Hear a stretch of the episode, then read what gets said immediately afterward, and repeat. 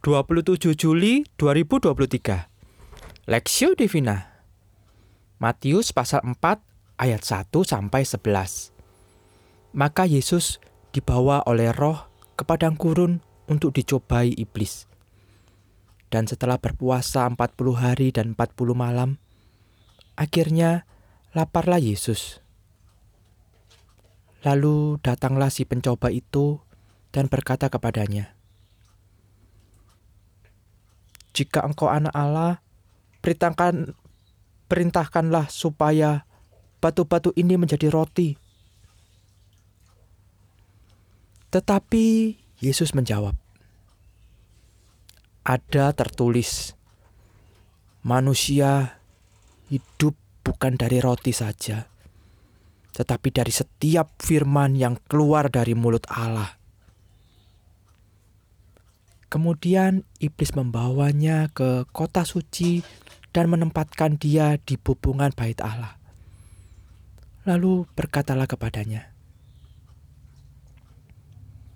"Jika engkau anak Allah, jatuhkanlah dirimu ke bawah, sebab ada tertulis mengenai engkau, ia akan memerintahkan malaikat-malaikatnya, dan mereka akan menatang engkau di atas tangannya, supaya kakimu jangan terantuk kepada batu. Yesus berkata kepadanya, "Ada pula tertulis, janganlah engkau mencobai Tuhan Alamu." Dan iblis membawanya pula ke atas gunung yang sangat tinggi dan memperlihatkan kepadanya semua kerajaan dunia dengan kemegahannya dan berkata kepadanya, Semuanya itu akan kuberikan kepadamu jika engkau sujud menyembah aku. Maka berkatalah Yesus kepadanya, Anyalah iblis, sebab ada tertulis, engkau harus menyembah Tuhan Alamu, dan hanya kepada dia sajalah engkau berbakti.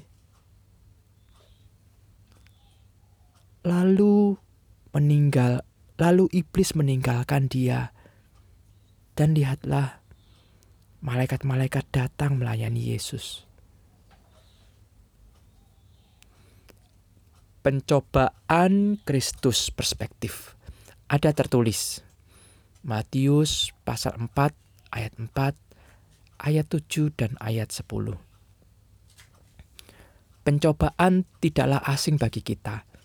Setiap hari kita menghadapinya, baik berkaitan dengan kebutuhan, pekerjaan, relasi, keluarga, studi, dan aspek lain. Dalam menghadapi pencobaan, ada pegangan kita. Apa pegangan kita? Bagaimanakah respons kita ketika menghadapi pencobaan yang berusaha menjatuhkan dan menggoyahkan iman serta integritas kita? Setelah dibaptis, Yesus menjalani puasa 40 hari. Dalam kemanusiaannya tentu merasa lapar. Saat itulah Alkitab mencatat, iblis mulai mencobainya. Pencobaan pertama merupakan hal yang berat karena Yesus sedang kelaparan. Iblis menantang Yesus untuk menyatakan kuasanya sebagai anak Allah dengan mengubah batu menjadi roti. Tentu saja, Yesus bisa melakukannya tapi ia menjawab dengan firman Tuhan bahwa manusia bukan hidup dari roti saja. Ayat 4. Bandingkan ulangan pasal 8 ayat 2.